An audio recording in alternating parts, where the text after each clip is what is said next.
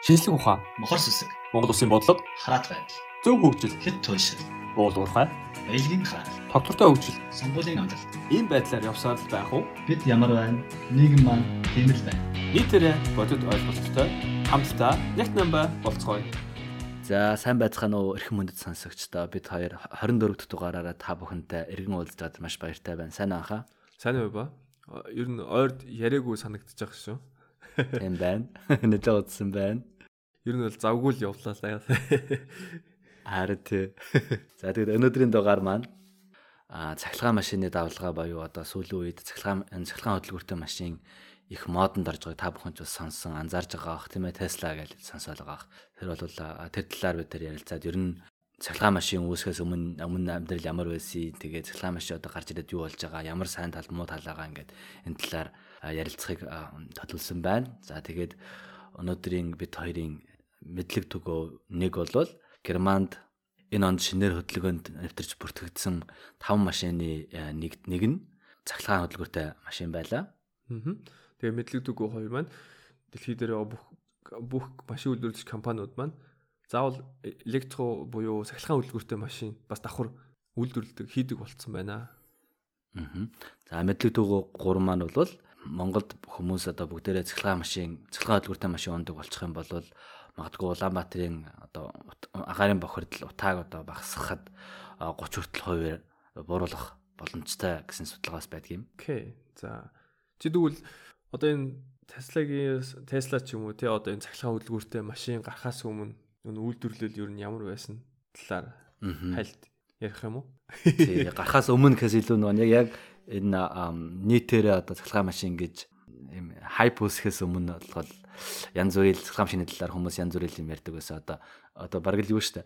Tesla-гийн машинууд анх гарч ирээд те худалдаанд гараад хүмүүс амар гоё юм байна гэдэг тэр мэдрэмж ингэж олон нийтэд хөрөх хүртэл бол өмнө дандаа цахилгаан машин оо тийм ч юм уу юм ч юм уу гэл дандаа ингээл тоодоггүй эсвэл дандаа ингээл хойшлуулад байдаг байсан байгаа. Тэгсэн харин Tesla компанийн бол одоо тэр цахилгаан машиныг хий Tesla-г хийгээд тэгээд үнэхээр хүмүүст одоо юу гэдгийг боломжтой тий боломжгүй биш боломжтой маа гэдгийг баталж харуулсан. Тэгснэр бол ер нь бол маш олон одоо ялангуяа энэ одоо германчууд германчууд машинаараа ямар алдартай байлаа те тэргөө тэдний шарыг хөдлөж чадсан бүр том том улс төрчд нь хүртэл те яагаад одоо манай германы энэ машин үйлдвэрлэдэг компаниудын Tesla шиг юм секси машин хийж чадахгүй байгаа юм бэ гэд бүр олон нийтийн өмнө тэгж хэлж ирсэн. Тий, бараг л уурал загнаж байгаа гэсэн үг шүү дээ. Тэгэхээр тэр миний санаанаас гардггүй юм. Тэгэхэд бол одоо нөгөө нэг машинаараа хэд машин хийдэг одоо уламжлал мэдлэг чадвараараа бол одоо германчууд хаанч одоо өөрөөрөө бахархдаг шүү дээ тий. Тэгэхэд тийм үг сонсно гэдэг бол миний хувьд л одоо бараг төр хүмүүсийн хувьд доромжлол байсан байх гэж бодож байгаа. Тэгээд магадгүй тэр хүмүүсийг өдөөж чадсан байх. Тэр хүмүүс ч тэгээд тэрийг ойлгоо. За бид нар одоо цахилгаан машин хийхгүй юм бол үнэхээр болохгүй байна гэдгийг ойлгосон юм шиг байна. За тэгээд яагаад тэр олон жил тэр чинь одоо 4 жил баг 5 жил болж байна үү те. Тэгэхэд одоо хүртэл цахилгаан машин гараагүй байсан би гэхээр нэг том машины үйлдвэрүүд маань бүх юмаа өөрчилж одоо ингэж гаргадаг хөгжүүлэлт хийдэг шинэ үйлдвэрийнхаа одоо тэр үйлдвэрийн үйлдвэрлэлийн бүтээтгүн хийдэг тэр замаа солидог ч юм уу тий маш олон юм хийдэг байгаа. Тэгэхэд тийм юм байдаг учраас хугацаа ордог. Тэгээд одоо өнгөрсөн жилээс илүү одоо ингээд зах зээл дээр цахилгаан хөдөлгөөртэй машинууд Германы машины үйлдвэрүүдээс гаргаж эхэлж байна гэж бодохоор ер нь бол хэдэн жил ордог байх гэдэг. Тэгэхээр бол одоо Tesla-гаас бол хэдэн жилээр хацарсан байсан байх нь шүү дээ. Тий, ер нь бол яг хуу өнгөрсөн жилээс маш ихээр харагддаг болсон боловч яг хуу Тэг годамжинд харагддаг болсон бол тийм шүү дээ. Өмнө нь бол илт илт харагддаг. Өмнө нь бол яг ганц хоёр мерсер байдаг байсан л та. Аха. Тий, тэрнээс эсвэл энэ тань Tesla зогсчихдаг байсан шүү дээ, тий. Яг бүр илт герман цахилгаан машинууд ихсэн нь болохоор яг өнгөрсөн жилээс л амар ихсэн л дээ. Аа. Тэрнээс өмнө бол мерсер байсан. Аха. Гэтэ бол цахилгаан машины тухай яриа бол маш их яригдсан шүү дээ. Мм. Ер нь бол тий. Тий. Тэгэхэд одоо тэр үед ямар юм яригддаг байсан байдлаар магадгүй сонсогчдоо зориулаад тий магадгүй зарим хүмүүст ч одоо хүртэл ч санагддаг байж магадгүй тэр зүйлүүдийн талаар ярихыг толуулсан байгаа. Тэрний жишээлх юм бол юу байсан бэ гэхээр цахилгаан машины талаар айгүй их одоо сөрөг мэдээлэл байдаг байсан хүмүүст эрг гэхээсээ лөө тэр нь магадгүй нөгөө нэг энэ цахилгаан биш хөдөлгөөрт хийдэг компаниудын машин хийдэг компаниудын одоо нэг хар PR гэж ярьдаг шиг тийм байсан ч магадгүй би боддоо шүү дээ. Энэ бол ер нь бол лобби байсан л ахalta цаана. Тий. Тэгэл цахилгаан машин гэж ярингоо дандаа оо цахилгаан машин ч одоо ерөөсө хол явах боломжгүй. Аа. Одоо ерөөсөө л нэг 100 км ч юм уу те 200 км илүү явж чадахгүй. Тийм учраас ерөөсөө хол явдаг хүмүүст ямар ч хэрэггүй. Ерөөс энэ тэнд л очиод батарейг бол нам суунч гэдэг юм уу те. Ийм одоо ийм аргументууд гаргадаг байсан. Өөр үнний хувьд их үн хэтэрхий үнэтэй гэж ярьдаг байсан те. Тий үйлдвэрлэлийн үн бол нэлээ өндөр тал руугаа тий. Тий өөр чи юу ярьдаг байлаа? Мм ерөнхийдөө бас нэг аюулгүй байдлаас бас хүмүүст амар их тийм мэдээлэл очдөг байсан юм. Дэлбэрчихгүй, дэлбэрчүүл хэрвээ шатчих юм бол аа тий шатчихгүй тий. Аа. Тий тэртэлтэй бас амар их тийм тийм ирээн бараа мэдээлэлүүд амар их явдаг байсан. Аа. Тийм айц Аа тий бас нөгөө нэг батарейны асуудал байна шүү дээ тий. Тий. Тэгээд батарей нэг батарейг одоо яах юм те сайн батарей байхгүй батарей нь одоо ингээд юу ачвал яах юм те одоо цэнэглэж чадахгүй ч гэдэг юм уу те цэнэглэж болохгүй болчвол дараа нь яах вэ гэдэг юм уу иймэрхүү зүйлүүдийг ярьдаг байсан. Тэрнээс гадна бас нөгөө нэг ягаад бид нар цахилгаан машин хэрэгтэй гэж гэдэг асуултыг бас тавьдаг байсан те. Тэгэхээр одоо дэлхийн дулаар л болж гэн гэдгийг одоо дөргилж одоо юу гэдэг ойш авахгүй байх. Эхлээд бол хүлээж зөвшөөрөхгүй байсан. Дараа нь бол хүлэн зөвшөөрс ер нь ойшоохгүй байсан те а одоо бол яалтчгүй одоо хүн болгон ер нь бол ойлгоод хүлэн зөвшөөрөөд эхэлж ах шиг байна. Тийм ч учраас бас маш олон өөрчлөлтүүд гарч ах шиг байна. Тэгэхээр бид нар бас тэр тараас тэр болгоноос хоцорч болохгүй байх гэж бодож байна. Одоо гадаад гарч байгаа модноос хоцордоггүй хүмүүс юм чинь болж байгаа бас энэ жил ухааны үндэстэй мэдээлэлээс хоцорч болохгүй байх гэж бас бодоод байгаа шүү. Нь бол тийм шүү дээ. Тэгээд энэ цахилгаан машин гарч ирэхэд бас нэг нөгөө нэг төлөхөц болсон гэх юм уу те тэр нэг зүйл нь тэр 2016 онд болсон байхаа нөгөө Германы том машин үйлдвэрлэх компаниудын нөгөө дизель хөдөлгөөртэй машинуудын дотор нэг тийм жижигхэн програм суулгачаад тэгээд нөгөө нэг гарч байгаа юугаа одоо машинаас ялгарч байгаа тэр нүүрс хүчлийн давхар эслийн хэмжээг багасгадаг тийм програмтай. Тийм машинууд нь Америкт илрээд тэгээд юм скандал болсон шүү дээ. Энэ бол тийм. Тий, ер нь бол тий нөгөө гол яаж мэдсэн бэ гэхээр нөгөө одоо жишээ нь гарч байгаа машин болгоо шинэ машин болгоныг дуусгаан тийм шалгадаг газар аваачаад бүх юм залгаад ингээд явуулдаг байхгүй одоо хэдэн километр ч юм дэ тий ингээд симуляц хийгээд явуулаад аха. тэгээд хэдэн километр тэр их нүүрс хүчлийг хий ялгарсан байна гэдгийг хэмжсэн баг. Аа тэгээд тэр машин нь болохоор энэ машиныг симуляц залгаж гин гэдгийг програмд хэрвээ залгах юм бол чи тэгж яваарай гэдээ бүр програмчлцсан суулгацсан байсан. Тэнгүүд тэр машин болгоно ингээд програм симуляц хийгээд шалгангууд ингээд мотор нь амар баг чадлаар явдаг. Амар баг нүүрс хүслийг ялгаруулдаг байсан байгаа байхгүй. Тэгээд яг гаргаа явгоод зүгээр жирийн явахаар маш их зарцуулдаг. Маш их нүүрс хүслийг гадагшаа ялгаруулдаг. Тэрийг Америкчууд мэдсэн шиг байгаа тийм. Тийм олон мэдсэн. Тэгээд тэрнээс болоод германчуудын германы одоо том том үйлдвэрлэл үйлдвэрлэл VW, BMW, Daimler гэдэг ер нь томоохон томоохон Audi тий. Audi тэднийг бүгдийг шалгаад тэгээд асуудал үүсээд яасан шүү дээ. Тэгээд хамгийн ажиглалтай нь бүгдээрээ тийм технологи ашигладаг, тийм програм ашиглаж ирсэн гэхээр бас өвөрмөц байгаа юм шүү тий. Ер нь бол томчууд нь мэджил байсан юм шүү. Би бол тэгж л бодоод байгаа шүү дээ.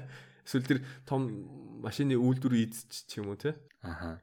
Угаасаа мэдхгүй байж тийм програм солонгож угаасаа байхгүй л гэдэг. Тэд нар чинь бас нэг зөвшөөрөл авах байл гэдэг. Тэднээс зүгээр нэг инженер машинд нэг програм суулгацсан тэгээд нөгөө бусд нь мэдхгүй тэгээ яваад байна гэвэл бас Тэгээ тэрнээс чинь болоод хамгийн гол нь хоёр том концерны хооронд амар их маргаан гараад байгаа байхгүй. Яг гэвэл тэрийг хийсэн компани өөрөө тэр BMW, Audi, VW биш.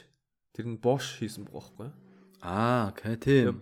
Тэгээ Bosch Bosch болохоор яг нөө мотор хөгжүүлдэг ч юм уу те ямар нэгэн байдлаар нүүрс хүслийг хийх багасгах симуляц хийдэг ямар мотор яаж ажиллах юм бол ер нь нүүрс хүчлийг хий баг ялгаруулах боломжтой вэ гэсэн нэг тийм нэг ашиглуулын коэффициент гэдэг дээ. Тэрийг нэмэгдүүлэх тийм даалгавар малгарын дагуул тэгэл тийм их юм хажуугаар нь хийсэн юм шиг байгаа. Тэгээ тэр нь тэгээ Bosch энэ VW одоо энэ BMW ч юм уу тэдний хооронд байнга ингээд одоо ус төрийн маргаан гэхээс илүү бас нэг дотоодын хууль эрх зүйн маргаан байгаад байгаа байхгүй. Тэгээд Bosch нь болохоор бид нар буруугүй та нар өөрсдөө ингэж хийгээд хийгээд тиймэрхүү юм хийгээд үг гэсэн гэхэд тэгэнгүүт нөгөө тэд нар болохоор үгүй бид нар тийм хүсээгүй бид нар зүгээр л ийм эффициенц өсгөх юмыг л шаардсан гэж хоёр талдаа ингээ хоорондоо асуудалтай.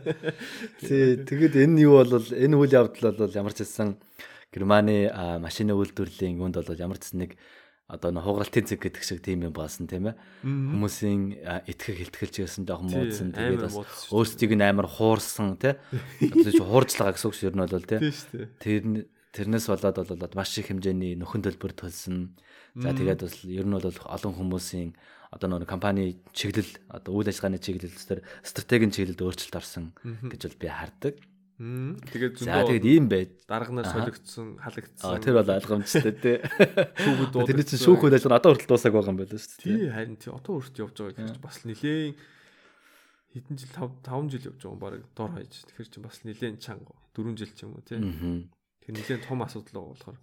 Тий. Тэгээ энэ бүх одоо тэр машины тэр моторын одоо тэр хүнийг хуурах тийм програм суулгах болсон гол одоо нэг түлхээс нь болохоор а машинууд одоо тухайн машины үйлдвэрүүд нөр баг юу гаргадаг тийм нүрсчлийн хий ялгаруулдаг хорт хий хортой хий ялгаруулдаг тийм юугаар уралддаг байсан байгаа тий. Тэгээ одоо манай хамгийн баг юу гаргадаг ч гэдэг юм уу тий. Тийм хортой хий ялгаруулдаг. Тийм учраас манай машин сайн гэж гэж уралд уралдаж исэн байгаа. Тэр уралдаж байгаа тэр уралдаандаа нөгөө нэг өөрсдөө техникийнхаа юугаар чадхаа болонгууд тийм хуурдаг програм суулгасан байгаа тий. Тэгэхээр бол энэ маань бол э, тодорхой хэмжээний нөгөө техникийнхаа юунд толчаад Тий угаасаа тэрнээс цаашаа явахаа болцсон байсан байгаа байхгүй тий. хизээ нэгэн цагт мэдээж яаж ч удсан ингээл зогсон шүү дээ. Яаж ч удсан. Тий. Максимумдо хүрсэн тий. Тий. Хэдийн мундаг байлаа ч гэсэн тэр нөгөө нэг нүүрс угаасаа л бензин, дизель шатаажлах юм чинь тодорхой юм ялгаж л таараа тий. Тэгээ шаталтай хөдөлгөөрл юм чинь тий. Тий, ер нь бол тийм шүү дээ. Мгм. За тэгээд энэс болоод ер нь бол улс төрөөс ч гэсэн те одоо улсаас нь бол тэд нэр жоохон шахалт үзүүлж эхэлсэн. Одоо өмнө нь бол дандаа л үгийн сонсдог байсан бол одоо буцаагаад өдөрөө жоохон нөгөө сөрсөн базаа яваад тийм ээ. Тэгээд ер нь цахилгаан машиныг дэмжин энэ рүү ер нь одоо дэмжлэг үзүүлнэ гэдэг үндснээр одоо энэ анхны одоо энэ юуны чиглэлийн өөрчлөлт бол цахилгаан машин руу орж ирсэн. Тэгээд тэр үед ч гэсэн Tesla машинаа гаргацсан байсан ингээ бодохоор яалтчгүй нөө өөрсдийнхээ зах зээлийг алдаад эхэлсэн. Харин тий өг. Тий. Тэгээд нөө худалдан авалт нь бол тасралтгүй буурж эхэлсэн. Одоо нөгөө нэг Германд чинь дизель гэдэг юм чинь айгүй нэр хүндтэй байсан тий. Дизель хөдөлгөөртэй машинууд тэрнээс болоод тэр дизель машин хөдөлгөөртэй машин худалдаж авах хүмүүсийн тооц цөөрөөд ингээд ер нь бол байдал айгүй өөрчлөгдөж эхэлсэн. Магадгүй энэ үеэс эхлээд цахилгаан машинд бол том шанс гарч ирсэн гэх юм уу те. Мм. Тэ. Тэгээд энэ магадгүй тэр үед ч гэсэн тэгээд хөгжүүлэлт хийдэг компаниуд одоо сургуулиуд ч гэсэн ер нь бол судалгааныхаа чиглэлийг бас цахилгаан машинууд руу өөрчилж эхэлсэн байгаа. Мгм. Тэгээд тэрний хажуугаар бас буруу санааг бол BMW, Daimler эднэр нийлээд тус бүр нийлж нийлж ягаад тусгай батарей батарейны судалгааны бүр тусгай бүр том төсөл яв- явуулсан. Хэдэн жилийн төсөл явуулж юм байлээ. Аа. Тэгээд тэдэнд одоо том компаниуд мөнгө оруулаад судалгааны чиглэлийг өөрсдөө эхлэнгүүд л ерөөсөө тэр техникийн нь хөгжлүүд бол асар хурдан гарч ирж байгаа байхгүй. Одоо тэр батарейны хөгжил, за тэгээд тэр доторх програм, за тэгээд тэр о, юуныхан те эффициенц буюу одоо нэг бага энерги зарцуулаад их хол явж чаддаг болдог ч юм уу. Энэ юмнууд нь маш хурдтай сайжирч байгаа байхгүй. Харин тий. Тэ одоо манай ам- миний амьдэрдэг аахан хотод нөгөө нэг том бас тийм янз бүрийн дизель хөдөлгөөрүүдийн тим юмыг одоо симуляц хийдэг тийм а, компани байдаг. Тэгээд одоо 2 жилийн өмнөөс эхлээд бол тэнд дээрээсөө ямар ч тийм хуучин хийжсэн тэр дизель хөдөлгөөрийн симуляц хийхэ болцсон. Одоо ерөөсөө л дандаа л батарей цахилгаан машины тийм симуляц судалгаа хийдэг болсон гэдэг ч байгаа байхгүй. Тэгэхээр бол нөгөө мөнгө өгдөг байгууллага буюу одоо тэр машины үйлдвэрүүд Мгм. Ерөөсөө цэвэр цахилгаан машины юунд мөнгө зарцуулж яах гэсэн үг байна. Судалгааны ажил нүү зарцуулж тий тий. тэр дизель хөдөлгүүр одоо шатал дотоод шаталтын хөдөлгүүрийг ерөөсөө цааш нь хөгжүүлэхэ болцсон гэсэн үг байна. Саппорто зогсооцсон гэсэн үг байна шинэ Харин баг л тий. тий. Угаасаа аргагүй л ахalta бүр ингээд тулчаад ингээд ямар сайн дээ. Програм зохиогоод дотоо нэг. Тий. Ингэснээр бол одоо 2016 оноос хойш Германд одоо цахилгаан машины хөдөлთა авалт бол аажмаар тэгтээ бол өсч эхэлсэн байгаа тий. Тэгээ энэний ер нь гол түлхүүр нь юу байсан гэж бодож байна чинь. Гол түлхүүр нь бол одоо энэ Umwelt бонус буюу байгаль орчинд байгаль орчинд ээлтэй ажиллаж байгааг дэмж дэмжиж гин гэсэн тийм бонус хүн болгонд өгж эхэлсэн байгаа. Цахилгаан 2016 машин хөдөлж авсан хүмүүс хүнд гэсэн үг шүү дээ тий. тий цахилгаан машин худалдаж авч байгаа хүн болгонд 2000 евро а plug-in hybrid машинд болохоор 1500 евро өгч эхэлсэн байгаа. Аа тэгээд манай сонсож байгаа хүмүүст юу зарим мэдж байгаа зарим мэдэхгүй ч магадгүй. Аа манай Монголд болохоор одоо Prius явдаг шүү дээ. Нөө hybrid одоо hybrid машин гэдээ явдаг. Аа энд болохоор plug-in hybrid гэдэг машинд мөнгө өгч байгаа. Тэр нь болохоор hybrid нэгсэндөө hybrid бензин болон цахилгаан мотор хоёр мотортой. Тэгвэл нөө цахилгаан моторынхоо тэр батарейг цэнгэлж болдог.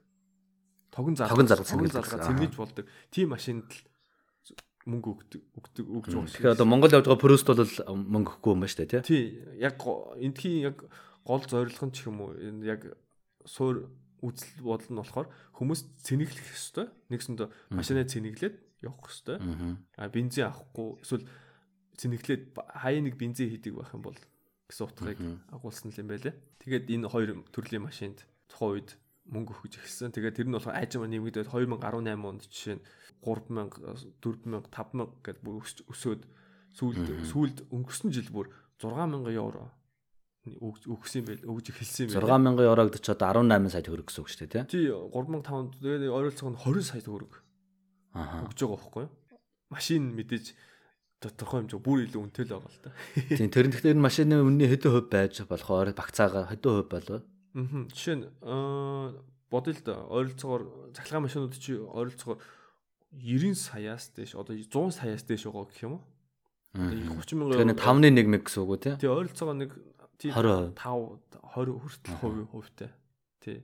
Яг хөө зарим үнэтэй машинд бол ойролцоогоор нэг 15% ч юм уу.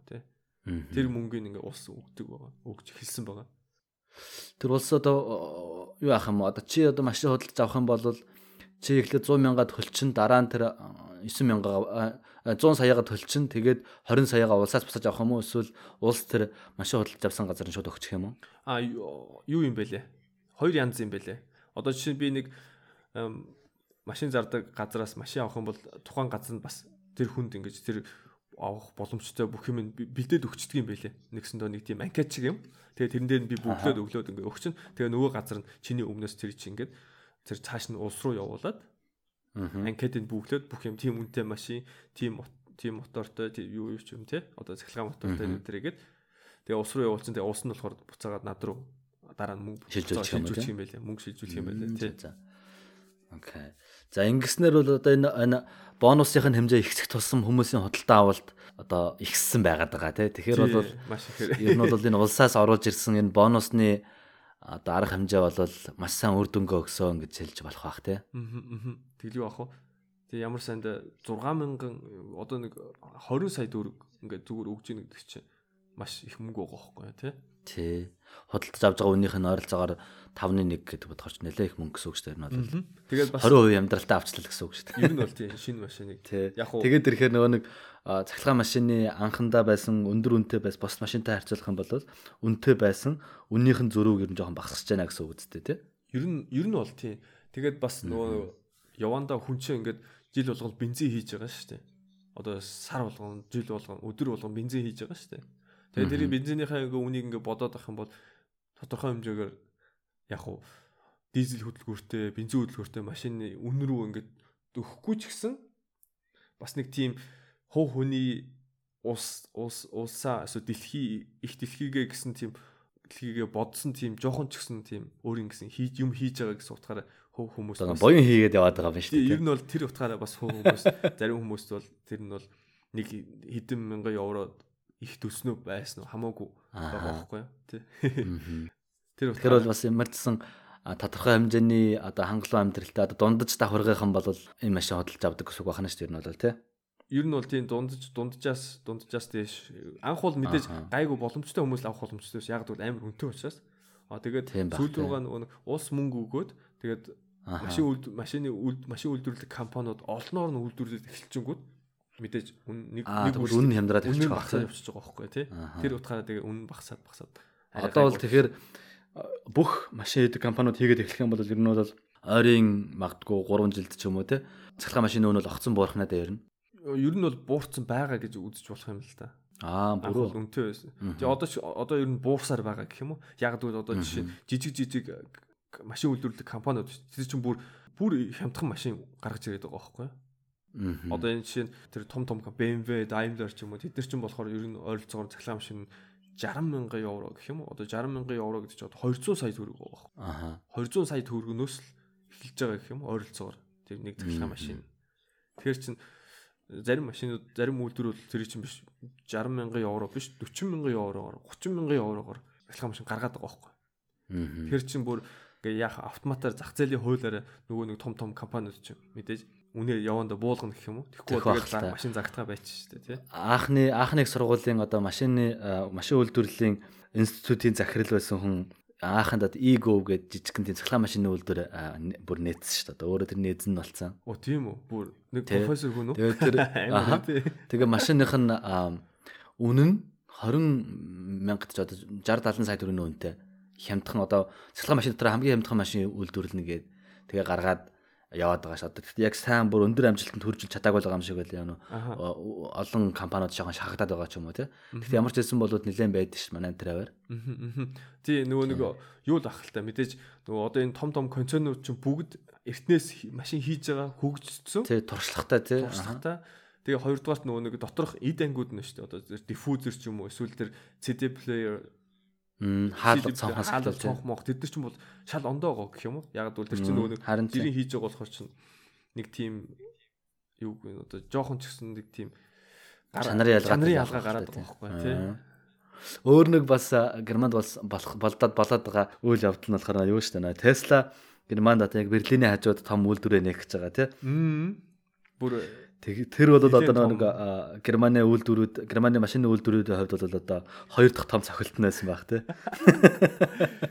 тий тий Ил Маск ч өөрөө хурж ирээд энд уу- уулзаад Берлиний ойролцоо хүмүүстэй уулзаад Тий. танаа энд Тий, бариулж- Giga Factory байлаа тий. Тийм Giga Factory нэгдэж байгаа. Тэгээд нэг боломжтой юу юу гэд тэгээд тухайн нь хүм- хүмүүс нь оо тэгэл нээлттэй гээл тэгэл Гэтэ ард иргэд нь бас тэмцэж юмчээ бас зөндөө юм болсон дээр чи. Нөгөө болохгүй газар байрсан байрсан. Тэгээ хориотой өрөмтлөг хийж мисэн. Тэгээ тэрнийхэн торгуулийг төлж мөлөх шаардлагатай усааш бичиг гаргасан.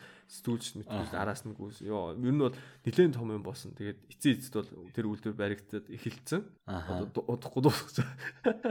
Тэгээ одоо удахгүй ашиглалтанд дарах байгаа гэдээ бодохоор ер нь бол Германы машины үйлдвэрүүдийг бол маш хүчтэй одоо шахсан байгаа байхгүй. Нь бол яалтчгүй ер нь бол хийхээс өөр аргагүй болсон учраас одоо сүүлийн маш богино хугацаанд те ерөөсө хэдхэн жилийн дотор маш олноор нь машин гаргаж ирж чадчихна гэдэг чинь бол одоо баг бүх төрлийн машинууд Германд явж байгаа бүх төрлийн одоо том жижигээс эхлээд те бүх машинууд цахилгаан хөдөлгөөртэй гарч эхэлж байгааг бодохоор ер нь бол давлгаа бол одоо яг түрүүний хэлсэн энэ нэвтрүүлгийн нэртэй адилхан те давлгаа бол үүсэд ирсэн одоо бол тэр нь буцах юм байхгүй гэсэн үг. Тэгэхээр бол цахилгаан машины 90 үе бол одоо нэгэн тэрсэн байна гэдгийг одоо бид нар хүлээн зөвшөөрөх хэрэгтэй. Аа. Аа. Хэлээ яхаа. Тий, тэрнтэй холбоотой одоо нөгөө нэг өмнө яригддггүй байсан юм дээр одоо судалгаа хийгдээд одоо улам тодорхой болж эхэлж байгаа. Тэгэхээр одоо цахилгаан машины давуу талууд нь тодорхой болоод сул талууд нь тодорхой болоод эхэлсэн байгаа. Тэгэхээр бид хоёр бас аливаа юмыг хоёр талаас нь ярьдаг хүмүүсийн хувьд аа давуу тал сул тал хоёроос нь яриад авиж бодож байна. Тий, тэгээд хамгийн ихнийх нь болохоор ер нь бол одоогийн байдлаар бол олон улсууд татварын давуу тал өгж байгаа цахилгаан машинуудад. Энэ нь болохоор ерөөсөө цахилгаан машинд хайртаатай тэгээд байгаа юм биш гол нь. Улс төрөөс ингэж аль нэг одоо бизнесийн салбарыг ч гэх юм уу аль нэг одоо энэ үйлдвэрийн салбарыг урт хугацаанд одоо энэ улс төрийн бодлогоор ингэж жоохон хөхүүлэн дэмжиж гин гэсэн үг шүү дээ ер нь бол тийм. Ингэж бүр шууд одоо нэгийг 20 хорохгүй та нар одоо боль цогсоо мохсоо гэхгүйгээр гол нь энэ нэгийг нь одоо хөхүүлэн дэмжснээр ингэж удирдах байгаа байхгүй юу. А магадгүй манайд байсан бол эхлээд бүх машинуудын бус бус хөдөлгүүрийн машиныг үйлдвэрийг үйлдвэрхийн хориглож агаад тэгээд цэлхэ машин явуулах байсан баах магадгүй. А энд болохоор ерөөхдөө хориглохоос илүү одоо мөнгөний одоо зөөлөн бодлогоор ингэж удирдах ийм менежменттэй ажиллаад байгаа нь бас надад их таалагдаад байгаа. Аа. Тий шүү. Тэгээд аа, хоёулаа давуу талаас нь яриад эхэлчих үү. Аа. Тэгээд оо тий. Тэгээд дараа нь сул талын яриад. Яг ихний давуу тал нь бол мэдээж нөгөө татварын хөнгөлөлт байгаа тий. Машин худалдаж авах юм бол усаас мөнгө ингэ дэмжлэг өгж байгаа. Явандаа бас нөгөө цахилгаан машин ихсээд өрх тусам тэр зэнэглэх зэнэглэх шаардлагатай машины тоо ихсэж байгаа учраас хаана зэнэглэх вэ те гэсэн тийм асуудал үүсэж байгаа. Тэр утгаараа одоо ер нь бол хаа сайгүй тийм машин парклах газрууд бүгд тийм зэнэглдэг юутай гэх юм одоо тийм Сонирхлогч цэнэглэгч арцаадаг арцаадагнуудыг байрлуулж ирнэ гэсэн үг тий. тийм тийм хаасаагүй маш хурдан цэнэглдэг өндөр чадaltaй тийм их төхөөрөмж гэх юм хаашаа одоо тэр юу гэдэг юм бол Сонирхлогчлог гэх баг. цэнэглэгчүүдийг том том цэнэглэгчүүдийг энэ тэнд байрлуулж байгаа.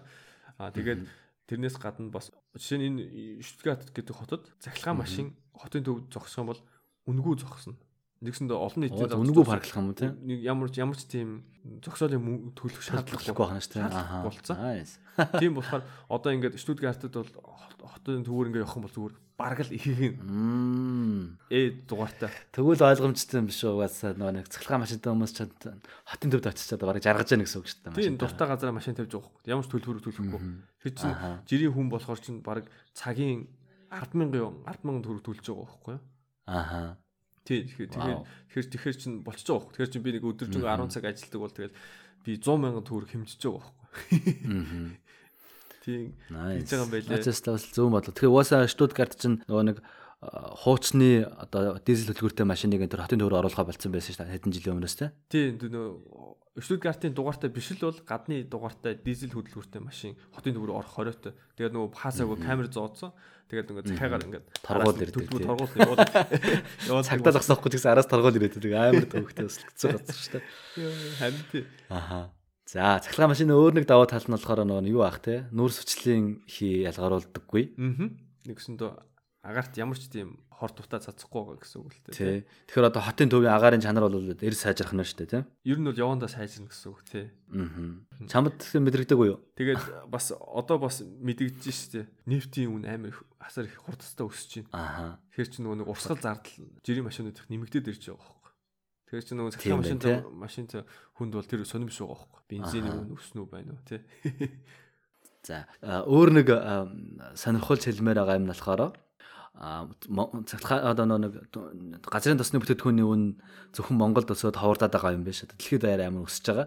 Энэ төртөл одоо газрын одоо дизель тэгээд бензиний үн 20 30% өссөн байгаа тий. Тэрийг бас хэлмээр санагдаад байгаа. Мм тийм штэ тий. Тэр манад л бензин өсөл бодоо болоод байгаа юм штэ.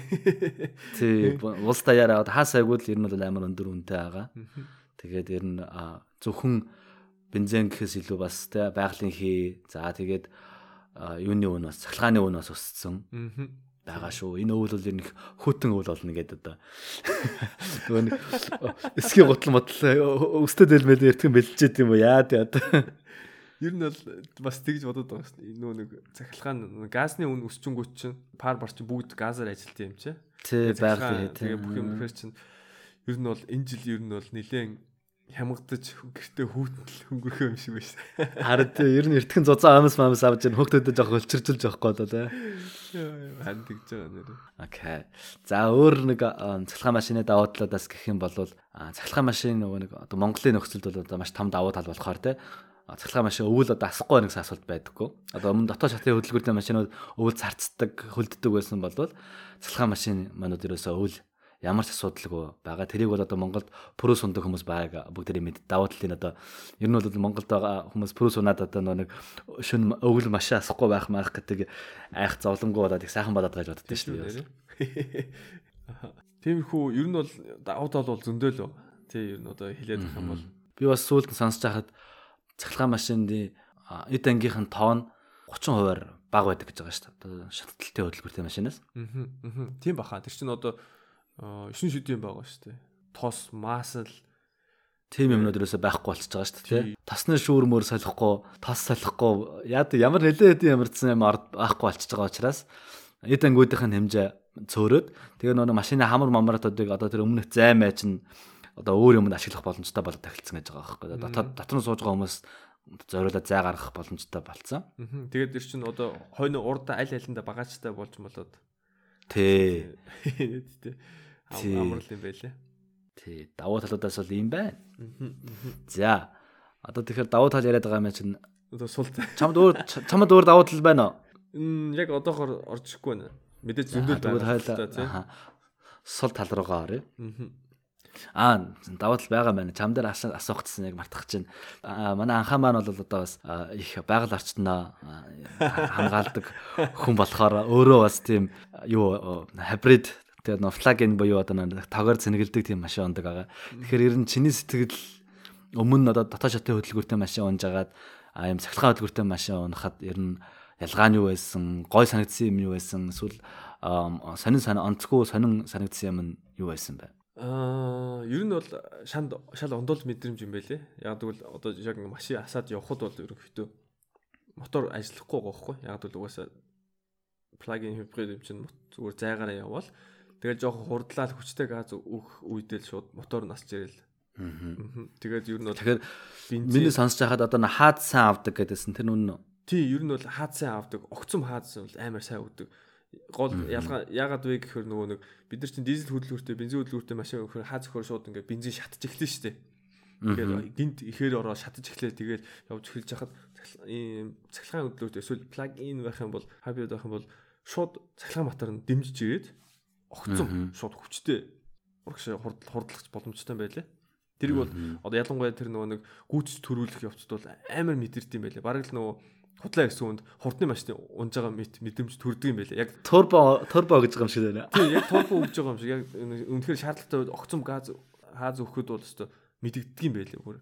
Ааха. Огцом тэгээд ямар ч гоё юм байна. Тэр тийм мэдрэмж аавна гэдэг чинь бас тэгээд бод Аха. тэгээд бодсон шүү дээ. Одоо тэр Ferrari одоо Formula 1 ундаг хүмүүс тийм мэдрэмж байнга л авдаг багтаа л. Тийм тэгээд ер нь бол байнга цэнэглэх хэрэгтэй. Гол нь. Тэгэх юм бол баг бензин хэрэглэх шаардлагагүй байхгүй юу? Хэрвээ жишээ нь одоо манай машин чинь ойролцоогоор үйлдвэрээс гарахтаа 31 км цахилгаанаар явна гэж өгсөн юм байлээ. Мгм. Заасан байдаг. Гэхдээ яг 31 км явдаггүй л дээ. Энэ чинь нөгөө бас цоошин машин биш, хуучин машин. Тэгэхээр Гэтэл чамд одоо бензиний бензин зарцуулж байгаа мөнгөний хэмжээ багасж байгаа юм эсвэл багассан уу эсвэл ер нь тогтмол хэвээрээ байгаа юу? Өмнө машинтайгаа харьцуулах юм бол өмнөх машинтай харьцуулах нь багассан, багассан. багаснаа Тий. Гэхдээ яг уу юу л да хэрвээ энэ машиныг цэнэглэхгүй зүгээр унаад ах юм бол баг өмнөх машинтайгаа адилхан хэрэглэнэ гэх юм уу? Аа зөв зөв. Яг тэгвэл батарейга цэнэглэхгүй байгаа юм чинь. Гэхдээ мэдээ цэнэглэх хэрэгтэй шүү. Тэгжээж л утганд гарна. Тийм цэнэглэхэд тэгжээж л утганд гарч байгаа байхгүй. Тийм болохоор Ааха. боломжтой үедээ байнга цэнэглэдэг. Аа. Тий, тийм байгаа шүү нэр. За тэгвэл одоо сул тал руугаа оръё. Аа. Машины сул талыг бол хүмүүс баг сайн мэдж байгаа гэж бодож байна. Аа. Тий. Тэгээ хамгийн их яригддаг сул тал бол одоо нэг а, хэдэн километрэд явд юм бэ те хязгаар нь юу юм бэ нэг цэнэглээд хэд хүртэл хэдэн километр явд юм бэ гэдэг асуулт бол гарч ирнэ. За тэгэхээр бол одоогийн байдлаар бол хамгийн хол явж байгаа машин бол нэг 450 500 км явж байгаа шиг байна. Энэ бол гэхдээ хамгийн одоо нэг а, тохиромжтой хурдаар тохиромжтой замаар явах гэсэн үг шүү дээ. Тий, бас Өндөр уул өгсөхгүй, хэтэрхий хурд явахгүй, юм дундаж хурдтай явахад гэсэн үг. Тэгэхээр одоо хамгийн одоо идеал үед гэсэн үг шүү дээ. Тэгэхээр бол амьдрал дээр бол мэдээж арай бага байдаг байх гэж бодож байна. тий, тий. Тэрийг бол угаасаа мэдрэгдэг юм байлээ. Одоо жишээ нь 25 км явна гэж заасан байгаа шүү дээ. Ааха. Тэгээ Штутгарт чи ерөнхийдөө нэг Улаанбаатар шиг дөрөв тойроод ингээ уултай. Тэгээд явхороо заавал ингээ уул өөд өгсөж яв цаашаа явж ингээ өөрч явхороо. Тэгэл тэр чин 25 км-ийг заасан боловч нэг 10 хэдэн км л явж байгаа байхгүй юу? Аа. 17 8 км л цахилгаан цахилгаанаар явж байгаа байхгүй юу? Тэгэхээр ч одоо машин яг идеал барихгүй л нэ гэсэн үг шүү дээ. Тэгээ гол нь тэр нөгөө нэг 31 км чинь зөвхөн шулуун зам дээр явхоор явхоор байгаа байхгүй Ааха. Тэгэхээр чинь нэгсэндээ яг яг бүр амьдрал дээр яг тэгж тест нь болох уу? Тэр чинь зүгээр нэг өрөөнд дотор те- тест нь болдог. Тийм байх. Тэгээ магадгүй магадгүй ааха. симуляц зөв. Тэгэхээр чинь бас нэг жоохон бодох хэрэгтэй л юм шиг байна тий. Тий. Тэгэхээр бол одоогийн байдлаар хүмүүс дасаагүй байгаа болохоор өмнө одоо юу гэдэг машиндаа машинаа дүүргчэхэд баг 1000 км явцдаг байсан болвол одоо одоо нөгөө 400 км 500 км тэгээд яаж явахаас их анзаардаг. Ингээд ирэхээр бас жоохон хүмүүсийн хувьд анх унж дасж байгаа хүмүүсүүд стресстэй байгаа шүү дээ. Энэ бол те яг хөрхүүгөө юу гээл те. Тэгээд нэг юм нь яг найдвартай биш болоод эхлэх нь шүү дээ. Тэгэхээр яг мэдээж хэрэг нөгөө жолоочт нөгөө юу үүсэх бах жоохон стресс үүснэ дандаа тэрийг байн байн харна за хараад байх тусмаа улам нөгөө нэг сэтгэл санаа докторг болдог ч юм уу тий. Тийм зүйл байгаа бах тийм учраас хүмүүс маш их санаа зовж яадаг. Аа Хэрвээ нөгөө нэг бензин колонкуудын зай одоо юу гэдэг нь 20 км болгоод 1 колонк байдаг та адилхан тэр цэнэгэлдэг юунууд цэнэглэгчнэрийн зай бас тийм ойрхон болчих юм бол хүмүүс тэгж бас айхаа болчих байх гэж бодож байна. Аа. Тий, тий. Хоёлоо тэрийг нөгөө дараагийнх дээр ярьж штэ. Аха. Окей, тэгвэл жоо хойшлалч. Одоо бол энэ дээр бол ямарчсан сул тал дотоод чатын хөдөлгөөртэй машин дээр ярихад харьцуулах юм бол сул тал байгаа.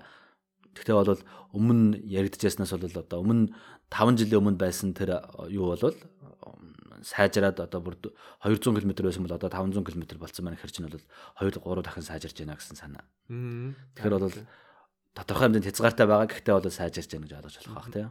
Тий. Тэрнээс гадна бас цэнгэлэгчийн асуудал байлаа. Нэгсэндээ хурдан цэнгэлж чадах уугүй юу? Би нэг нөгөө 400 500 км явахын тулд 5 цаг залгадаг бол бас асуудал байгаа байхгүй юу?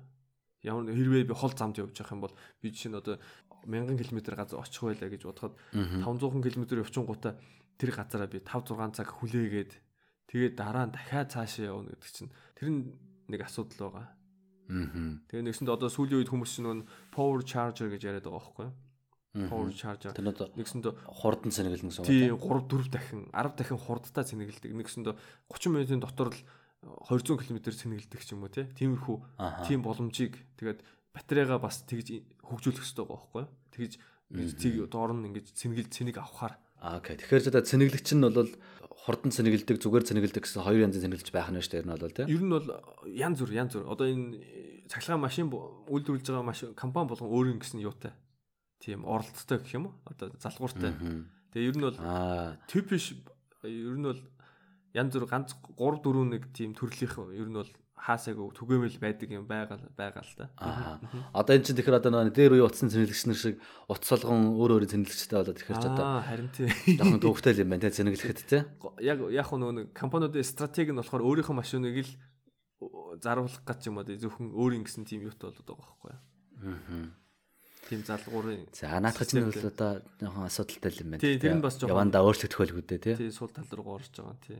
Аа. За цэнэглэх хугацааны хувьд ер нь бол ямар шүү гэдэг юм болов?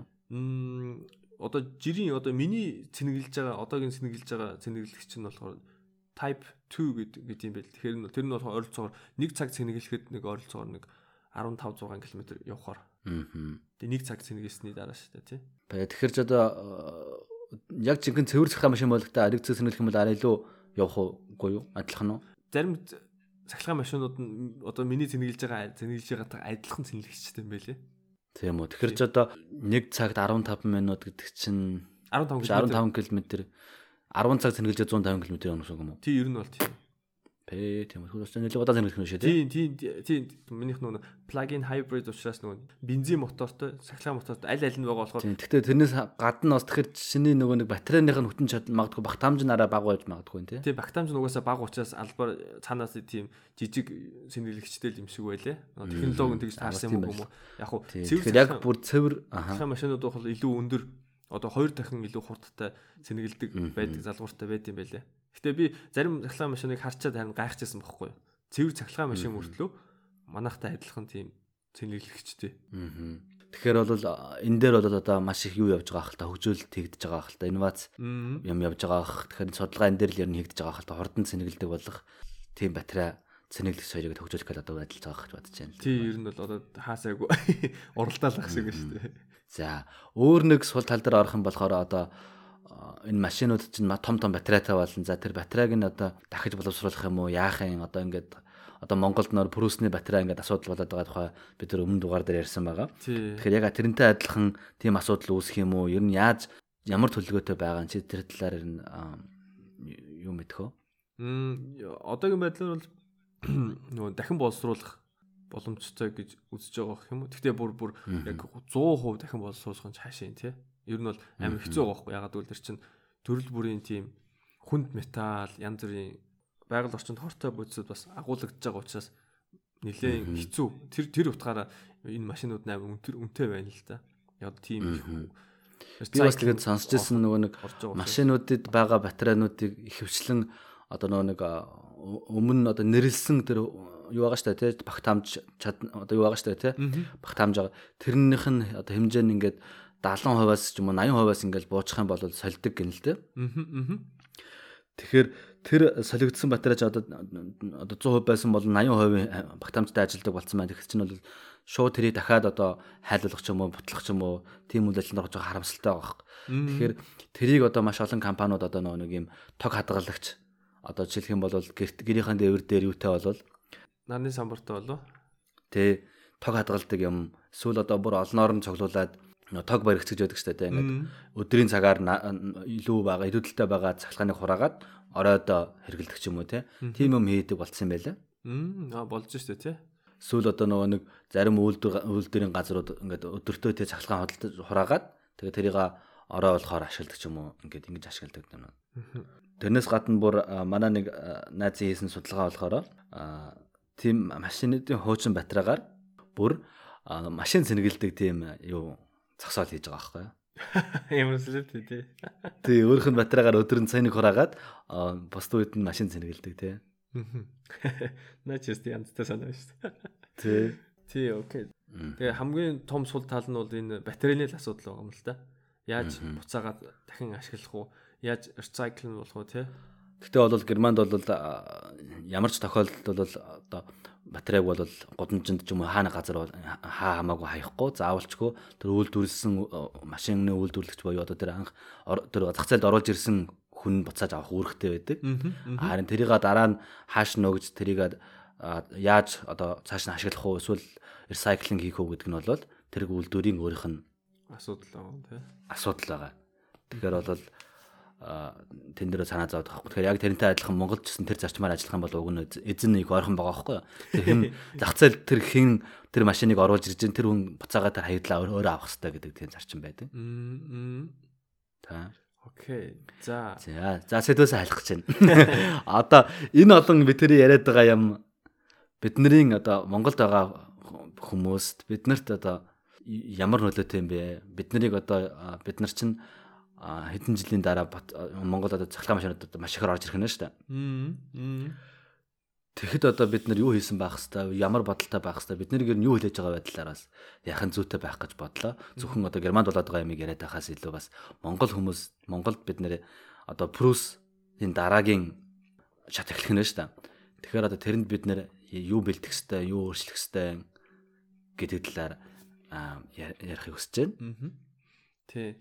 Яа, юуны хамгийн түрүүнд хийх ёстой бидний зүйл гэх юм бол энэ одоо энэ цахилгаан машин орж ирээд хаан цэнэглэх үү? Цэнэглэх тийм том сүлжээ бий болгох. Тэрнээс тэрнээс гадна бас тэр их ачаалыг дийлэх тийм цахилгаан станцууд манад байна уугүй юу те? Тэрийг бас ихний түрүүнд хамгийн түрүүнд бэлтгэх хэрэгтэй болоо. Тэгээд эсвэл магадгүй жижиг жижиг цахилгаан станцууд барьдаг ч юм уу те? Яа тий. Тэгээ бас төв цэнэглэх тийм төв талбай цэнэглдэг одоо байшин. Тэгэхээр ч одоо ер нь бол өндөр өндөр байшинд одоо хотын төв ялангуяа энэ Улаанбаатарт байдаг байшингуудын тэр хавьд цэнэглдэг тусгай талбайгууд бий болгоно гэхвэл бол ер нь бол хэцүү харагдаад байгаа. Гэхдээ хотын төвд яг мэд тэнд амьдардаг хүмүүс дахил байгаа л тэрнээс хотын гадаа ч юм уу одоо амьдардаг хүмүүс бол эсвэл хотын завхруу амьдардаг хүмүүс бол шөндөө цэнгэлчээд өдөртөө бол хотын төвөөр нэг олон 100 км явахгүй шүү дээ. Тэр чинь ихтлээ гээл нэг 50 60 км явна өдөртөө. Аа. Тэгэхээр чин цахилгаан машин бол Улаанбаатарт бол одоо айгүй сайн унаа болох гэдэг байгаа байхгүй юу? Ер нь бол тий. Шөндөө шөндөө ууж хончоод гэртээ гэрийнхэн гадаа ууж хончоод өдөр хотын төвөр бахан дарж байгаа л ороо буцчихсан заагчихна гэсэн үг шүү дээ энэ бол. Ер нь бол тий. Тий. Тий. А харин орон сууцд амьдардаг хүмүүс нөгөө нэг цэнэгдэхэд жоохон төвхтэй юм нь болохоор заавалчгүй нөө орон сууцынхаа гадаа өөрийнхөө гэрээсээ та гарч болохгүй байна шүү дээ. Тэгэхээр чин орон сууцынхаа гадаа залгадаг юмтай байх хэрэгтэй гэсэн үг баг тий. Аа. Тийм тусгай тийм том залгууруудтай байх хэрэгтэй. Тий. Тэгэхээр одоо гаражтай хүмүүс бол гаражиндаа цэнгэлж болно. А гадаа тавьдаг хүмүүс бол гадаа тийм цэнгэлдэг тийм жижигэн жижигэн шонгуудыг бий болгох хэрэгтэй байна л да. Аа. Тий тэгээд тэрнээс тэрийг хийхдээ бас нэг юм анхаарах хэрэгтэй байгаа юм л да. Нөгөө манайхан ч нөгөө нэг ялангуяа хавар болохоор хурд унтас их ороод бас эн тентгийн цас хайлаад амир их үер ч юм уу те ус амир их усанд автдаг штэ. Одоо бол хавраас 100 штэ наадмаар штэ тэр чинь. 100 100 юм уу? Уушлаарай. 100 наадмаар л манайхан чи усанд амир автдаг штэ тий. Тэрийг бас бодох хэрэгтэй. Ягаад гэвэл тэр чинь тэгэхээр цахилгааны тэр аюулгүй байдлын үднээс те. Тийм байна те. Тэгвэл одоо хамаг цэнэлэгч эсвэл усанд автчихвал одоо баларх нь шүү. Тэгээ бүх юм шатна. Тэгээ хэрвээ тэр нөгөө нэг хамгаалагчийн шийд сайн шийдээг бол тэгээд тэр чинь шатч матаа дэлбэрж мөлөр бодоо болно шүү дээ. Аа. Тийм тийм. Аа. Бас бодолцох стал зүйл байна тий. Тийм тэрийгээ бас тэгэхэр чинь нэгсэнд манай нөгөө нийслэлийн ус залуулах систем л сайжрах хэрэгтэй болов уу гэж хараад байгаа шүү дээ. Аа. Гол гол шаардлагуудын нэг юм ч юм уу тий. Аха. Тийм. Тэгэхэд мэдээж хэрэг нөө даваа тал том даваа тал бол одоо нэг машинаас илгардаг тэр янз бүрийн Монгол ялангуяа хуучин маш их явдаг. Тэр машинаас илгардаг янз бүрийн хортой хий. Одоо бидний нүдэнд харагдахгүй байгаа хий. Эрүүл мэндэд бидний эрүүл мэндэд ингээд баг багаар муугар болж байгаа тийм энэ бол одоо цэцлэгаан машин орж ирснээр бол бүрх багасах боломжтой. Одоо пүрүүс орж ирээд багассантай адилхан бас цэцлэгаан машин орж ирэх юм бол бүр багасах байх гэж бол итгэлтэй байгаа. Ягаад тэгэхээр Улаанбаатарын утааны 30 хүртэлх хувийг бол одоо машин үйлдвэрлэдэг гэдэг байгаа шүү дээ. Улаанбаатар хөдөлгөөнд оролцож байгаа машинууд. Тэгэхээр болвол дан цахилгаан машин яваад эхлэх юм бол багасна. Аа би бас сонсч байсан Монголд цахилгаан машин хэрэгжилж байгаа тохиолдолд татварын хөнгөлөлттэй байдаг гэж сонссон. Тэгэхээр тэрийг бас яг бид тэр судлааг болохоор сайн мэлж мэдэхгүй байна. Гэхдээ ямар ч сан тийм байдаг гэж сонссон юм байна. Та нарт ийм судлах даалгавар өглөө шүү гэсэн. Тий. Тэгэхээр бас Монголд бол огт орчглаа байхгүй машин байхгүй биш байдаг болцсон. Би харж ирсэн. Тийм. Тэгэхээр бол бас цоо шин зүйл биш. Хамгийн гол нь бид нар цэцлэг машины давуу талууд нь Монгол байгаа бидний амьдралын хэв маяг бидний нөхцөлд бол их олон давуу талууд нь байгаад байгаа байхгүй. Тэгэхээр одоо Монгол нэг өөр машин үйлдвэрлэдэг газар байхгүй учраас сонирхлын зөрчил байхгүй. Тэгэхээр бид нар өөртөө хамгийн ашигтай машиныг тохиромжтой машиныг аваад унах боломжтой байгаа байхгүй. Тэгэхээр цэцлэг машин маань бол ер нь бол маш тохиромжтой унаа болоод байгаа байхгүй. Улаанбаатарын хүмүүсийн хувьд Улаанбаатарын том биш.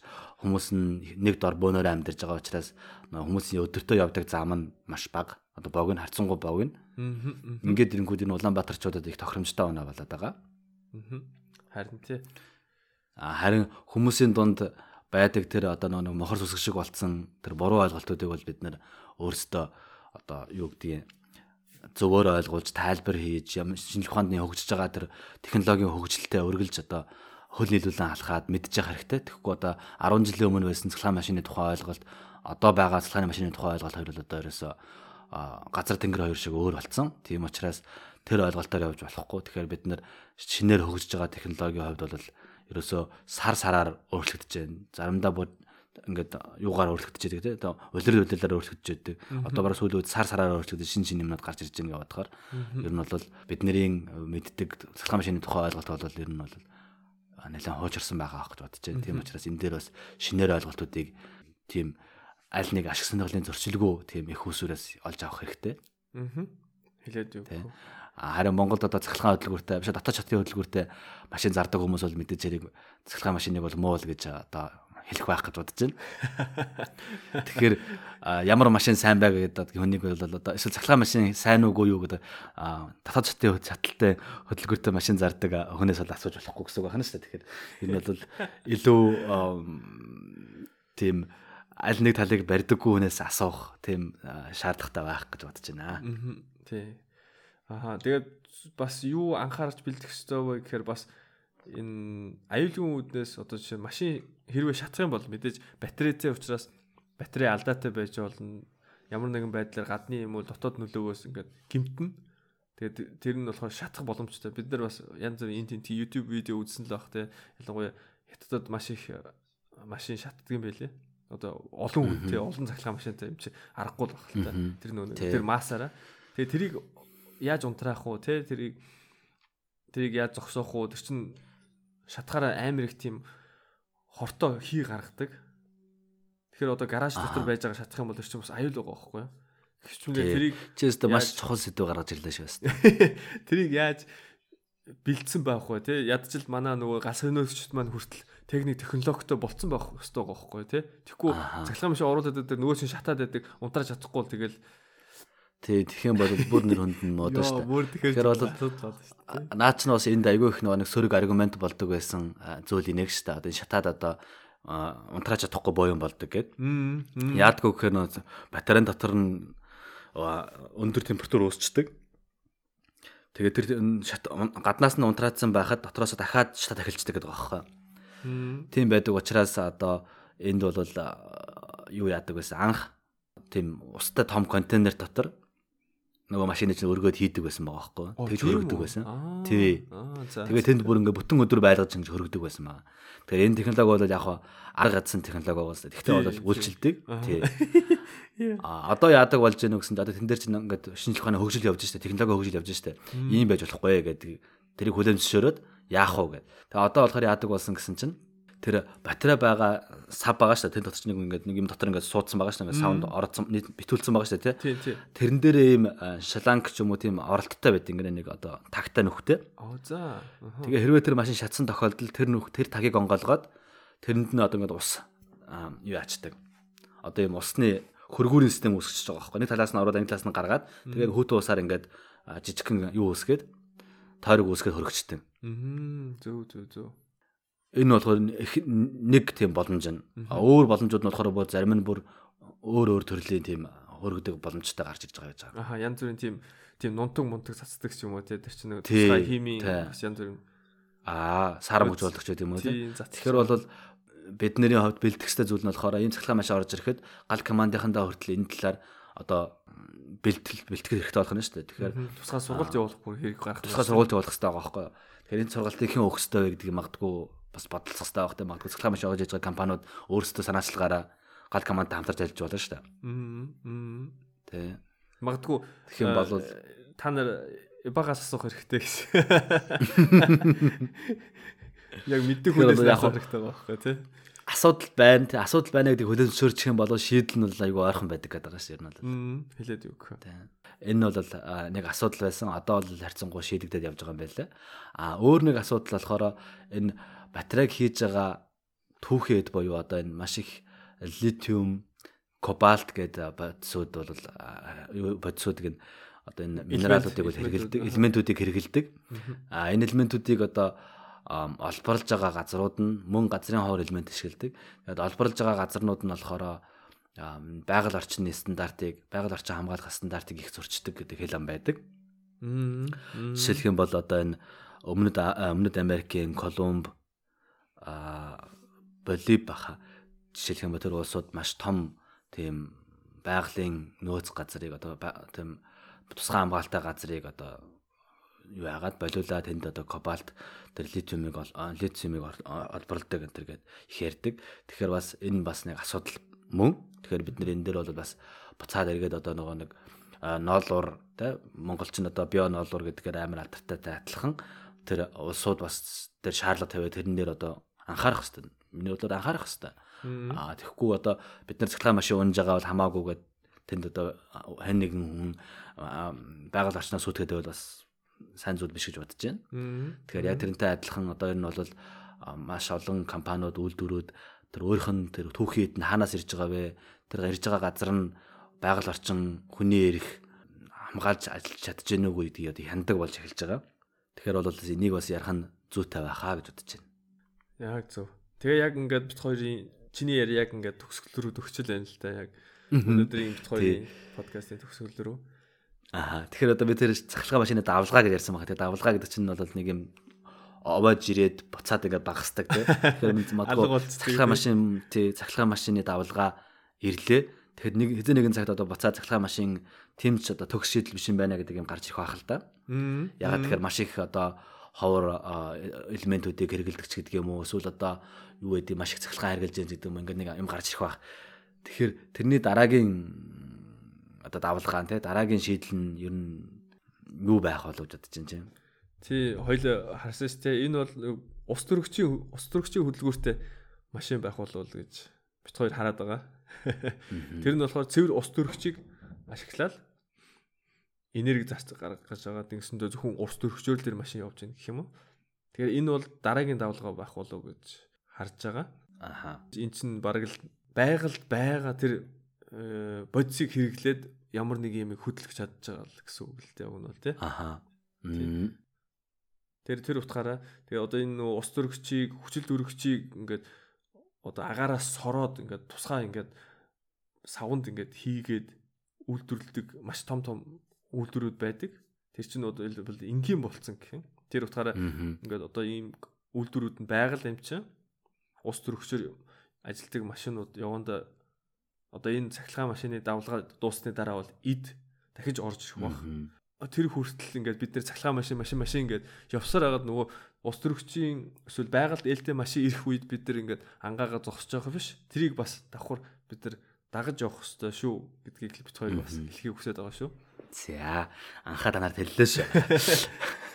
Өөр нэг сонсогч нартаа зориулаад зөвхөн сонсогчтаа зориулаад нэг нууц хэлэхэд Германд одоо Европт энэ өндөр хөгжилтэй улсуудад одоо энэ хөрөнгөний зах зээлд хөрөнгө оруулдаг хүмүүс инсайдер хүмүүс, инсайдер мэдээлэлтэй хүмүүс энэ ус төрөгчийн одоо албар ус төрөгч үйлдвэрлэдэг үйлдвэрүүдэд одоо маш хөрөнгө оруулж байгаа. Тэгэхээр одоо тэдний хувьцаа гэхээр авж яах гэсэн үг. Тэгэхээр магадгүй биткойноос илүү ус төрөгчийн үйлдвэрлэлийг хөгжүүлэх тэр технологийн хувьцаа авах юм бол өндөр ашигтай байж магадгүй шүү. Наац ямар чухал мэдээ шүү дээ. За ингээд өнөөдрийн бид хоёрын бэлтгэсэн нэвтрүүлэг ингээд үгээр өндөрлж जैन та бүхэнд бид хоёрыг удаан сууж навчаартай сонссонд маш их баярлалаа. Тэгээд дараагийн дугаараар иргэн уулзлаа. Баярлалаа. Баярлалаа. Ийм байдлаар явсаар л байх уу? Бид ямар байна? Нийгэм маань тийм л байна. Нийтээрээ бодит ойлголттой хамтдаа нэг намба болцгоё.